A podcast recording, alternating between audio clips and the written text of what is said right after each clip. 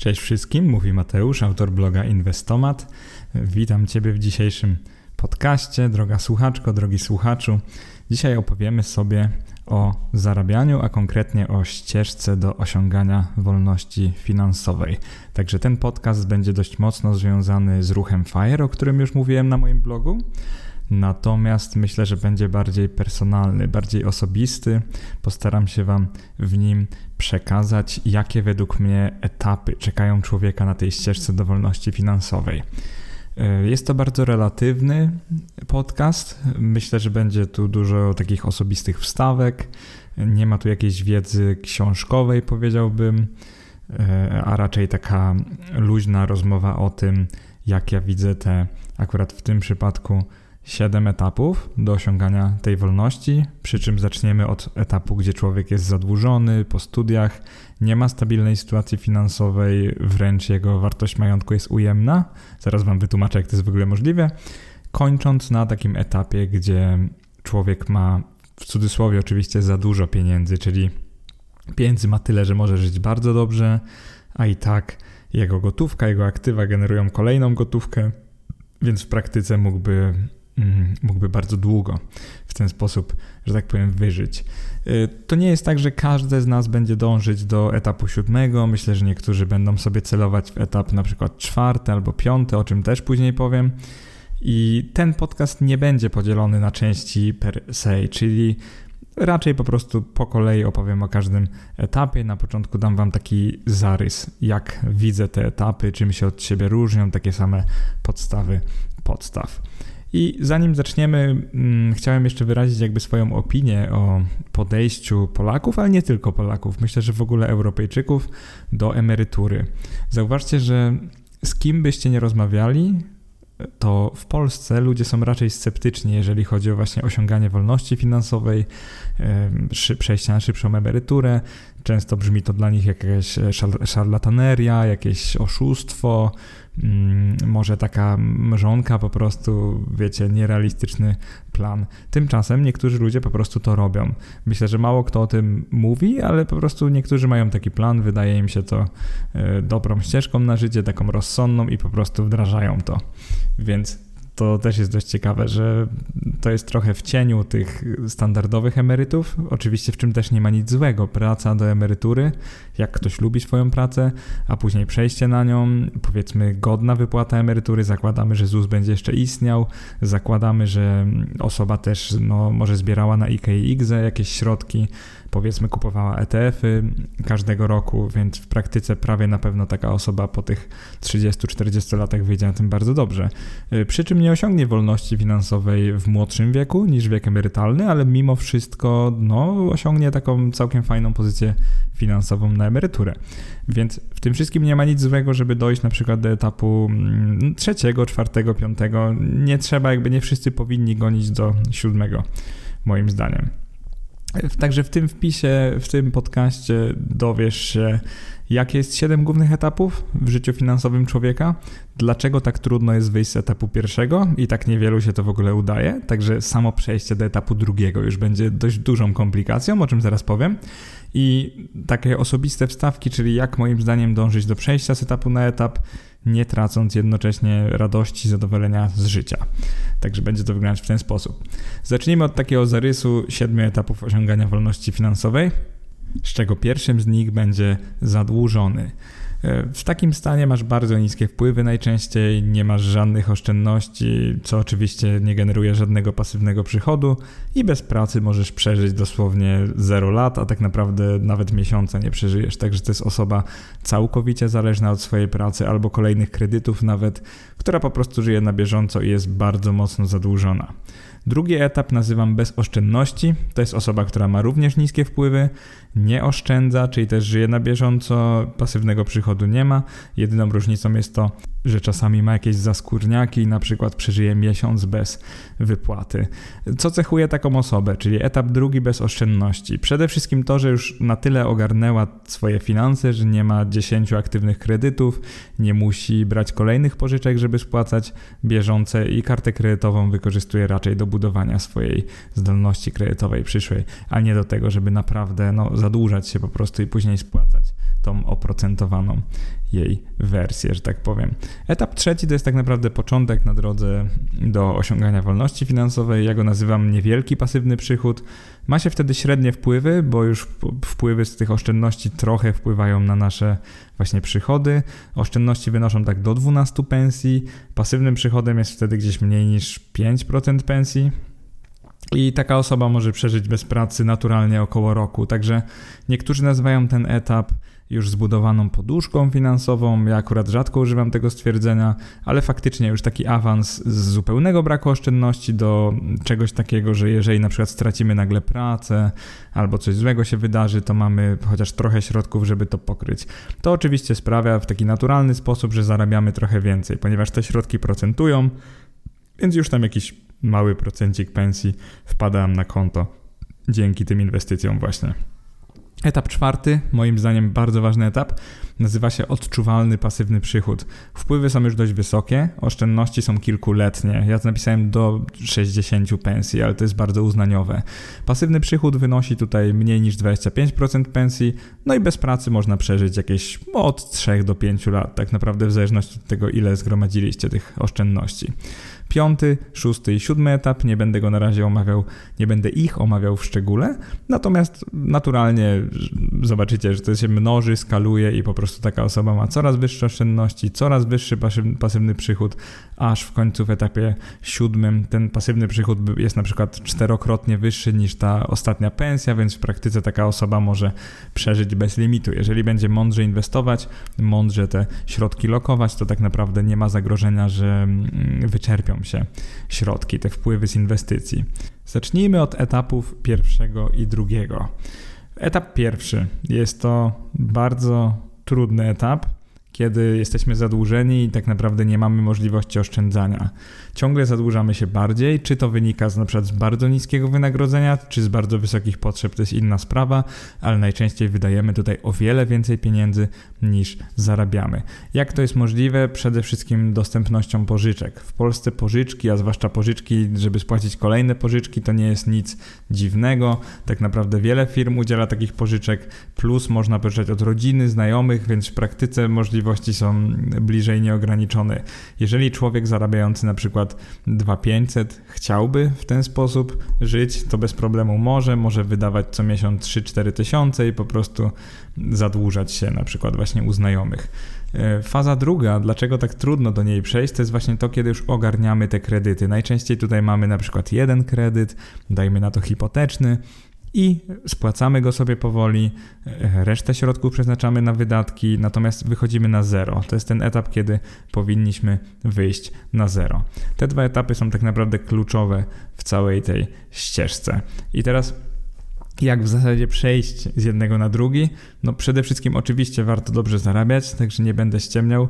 Dobrze mieć bardzo dobrze płatną pracę, albo jak macie, jak wiecie, że macie słabo płatną pracę, tutaj tak by the way mam taki bardzo archiwalny wpis, gdzie właśnie mówię o otoczeniu rynkowym, jak sprawdzić ile, ile macie, mm, jaką macie pensję wobec innych ludzi w Polsce. On się bodajże nazywa Czy nie zarabiam za mało, więc jeżeli jesteście ciekawi, myślę, że przedstawiłem tam całkiem fajne metody, żeby się dowiedzieć, ile powinniście zarabiać, więc polecam to zrobić, polecam ponegocjować z szefem, z szefową i postarać się choćby walczyć parę, paręset złotych, bo to jest naprawdę w długim terminie to jest ogromna różnica, czy zarabiacie 2500, czy na przykład 3000. Naprawdę, jeżeli będziecie oszczędni i będziecie umieć to właśnie zachować i inwestować, to naprawdę to uczyni w końcu różnicę, wierzcie mi. Drugim punktem jest oczywiście oszczędne życie.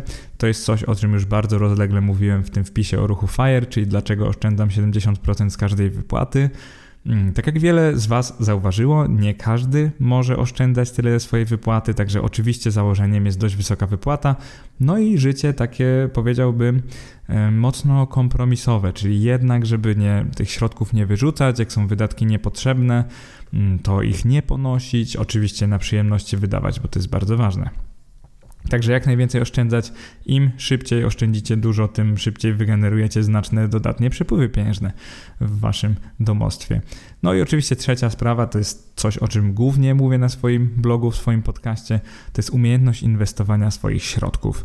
Bardzo istotna do nabycia w jak najmłodszym wieku. I tak naprawdę, jak wielu z Was słusznie zauważyło, im szybciej, tym lepiej, nawet ETF-ami. Nie trzeba się na tym jakoś bardzo skupiać. Tak naprawdę nabycie takiej ogłady inwestycyjnej, czyli rozumienie słownictwa, rozumienie co można kupić, w jaki sposób, jakie są prowizje, jak się podatki rozlicza, da Wam naprawdę taki head start w życiu, więc bardzo sugeruję zacząć jak najszybciej. To nie jest nigdy marnowanie czasu, przeczytać parę książek, y, posłuchać mnie, przeczytać mojego bloga.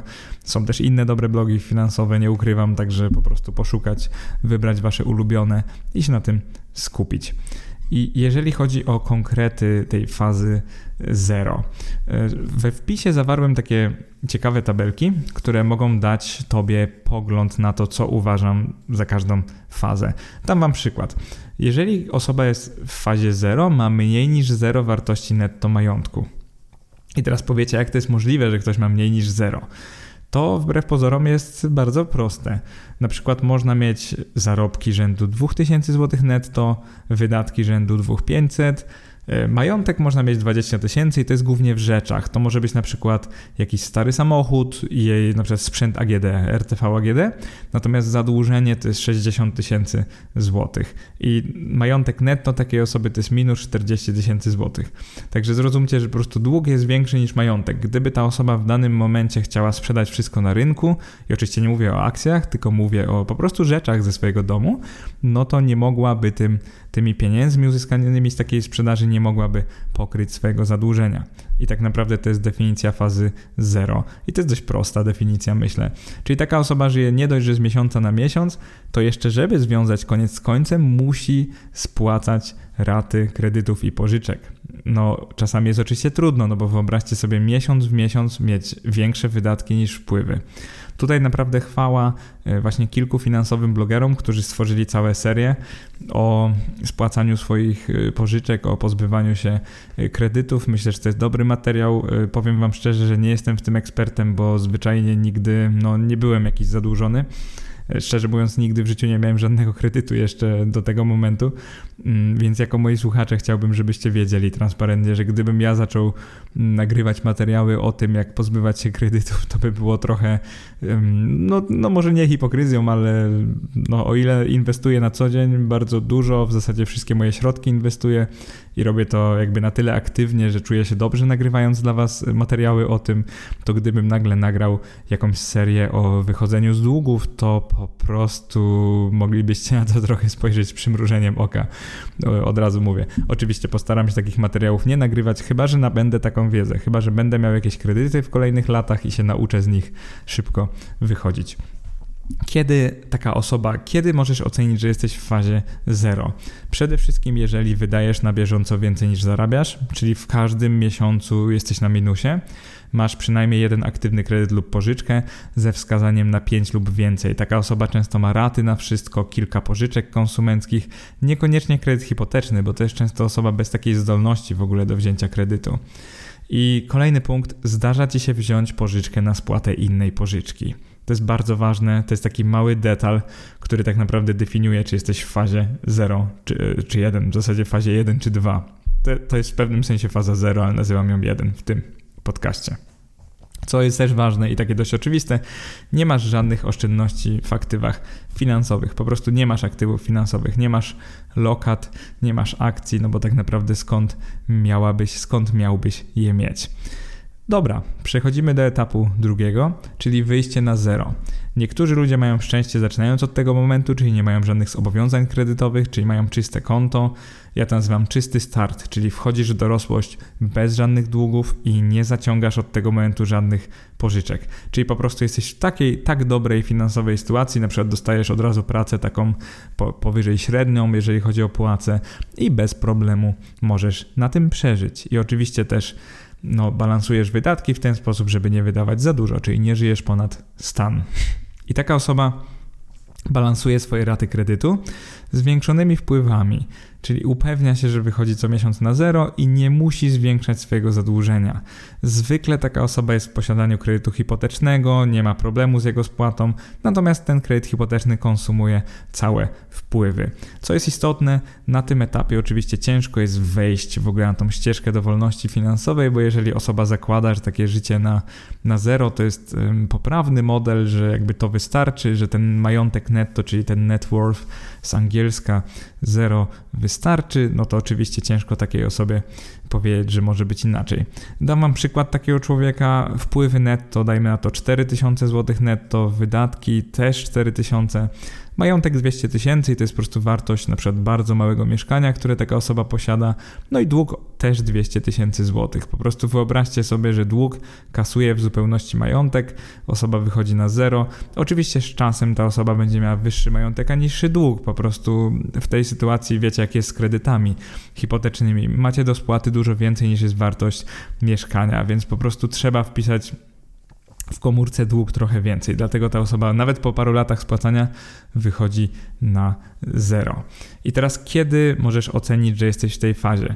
Przede wszystkim jeżeli zdarza ci się pod koniec miesiąca oszczędzić kilkaset złotych, ale zwykle w ciągu kolejnego lub kolejnych po prostu znajdziesz powód do ich spożytkowania, do ich wydania. Czyli to jest trochę takie podejście, że kusi ciebie, żeby wydać każdą złotówkę, którą masz na koncie. Czyli jeżeli jesteś w fazie drugiej, to masz podejście do finansów takie, że jeżeli masz nadwyżkę, to raczej nie myślisz, jakie akcje albo jakiego ETF-a za nią kupić, tylko zastanawiasz się, na co to wydać. Czyli podchodzisz do życia typowo konsumpcyjnie. Co oczywiście jest, no myślę, że to jest w pewnym sensie ok. Większość ludzi tak podchodzi, nie ma w tym nic złego, natomiast jeszcze nie zauważasz, że da się no, zacząć budować tą tak zwaną poduszkę finansową, że da się zacząć oszczędzać i mieć na przykład po kilku miesiącach równowartość na przykład jednej swojej pensji, bo od czegoś trzeba zacząć, prawda? Trzeci punkt, Twoje oszczędności są właśnie mniejsze niż równowartość Twoich trzech wynagrodzeń. Czyli nawet jeżeli masz oszczędności w tym wszystkim, to, to są one bardzo mało. I tak naprawdę w tym momencie, czyli po fazie drugiej, decydujemy o tym, czy chcemy jakby zaostrzyć nasze oszczędzanie, że tak powiem, czy próbujemy osiągnąć etap trzeci, który tak naprawdę da Ci wreszcie przedsmak wolności finansowej. I właśnie ten etap nazywa się etap trzeci, to jest kilkumiesięczna poduszka bezpieczeństwa. Powiedziałbym, że do 12 miesięcy.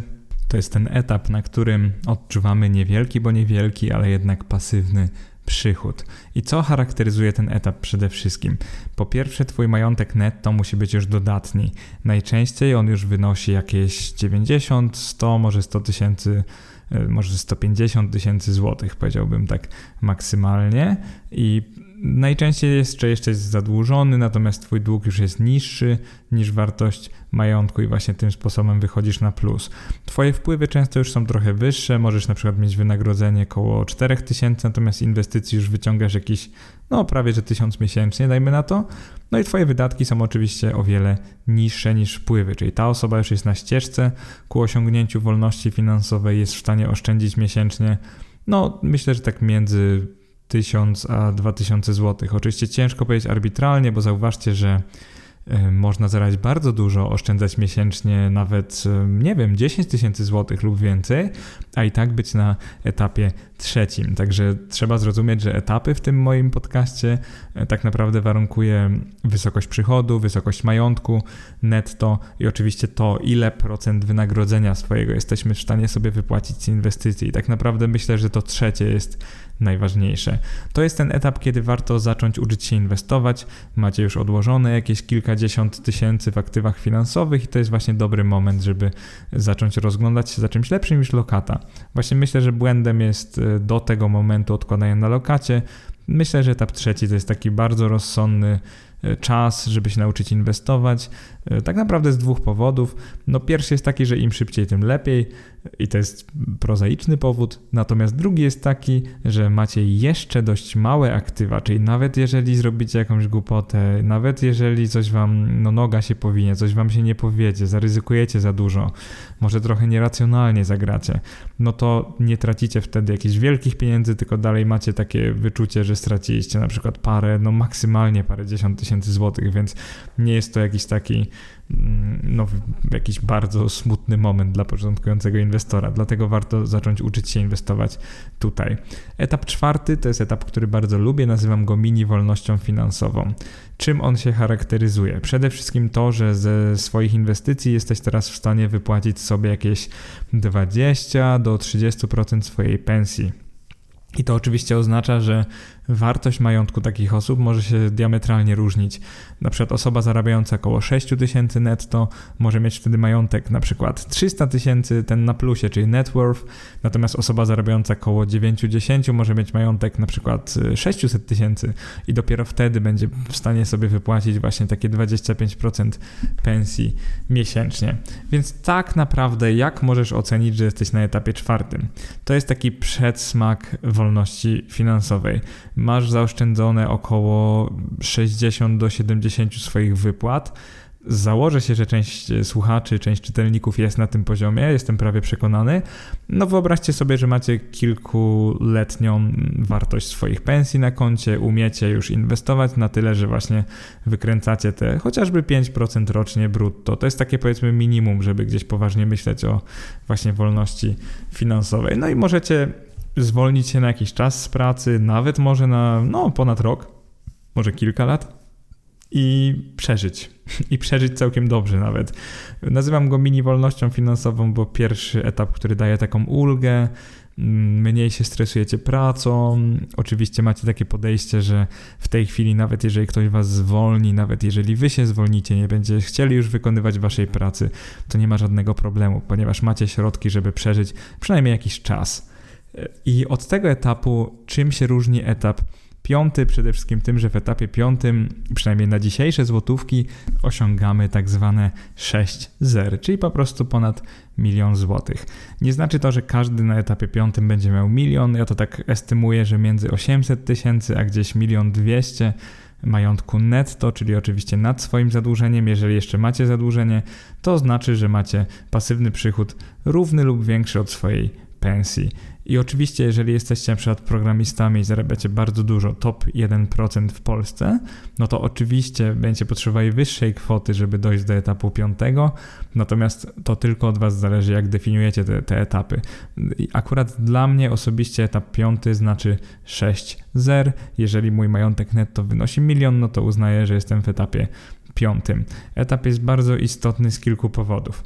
Po pierwsze, z uwagi na procent składany i to, że on działa tak e, powoli, natomiast później się rozpędza, tak naprawdę czasowo już jesteście bliżej niż dalej końca tej ścieżki, bo od teraz procent składany już naprawdę będzie robił robotę dla Was i tak jak mówię, zarabiał mniej więcej tyle co Wy, podobnie jak Wy. Oczywiście zależy od pensji, zależy od e, stylu inwestowania, natomiast chodzi o to, że mm, te wpływy pasywne będą tak duże, tak wysokie, tak odczuwalne, że będzie to prawie wasza pensja, równowartość waszej pensji, albo nawet powyżej waszej pensji. To jest tak naprawdę bardzo istotne w myśleniu o tym. Czyli duża część waszych wpływów miesięcznych netto już będzie pochodziła z inwestycji, po prostu z tych dywidend, odsetek czy tam sprzedaży z zyskiem.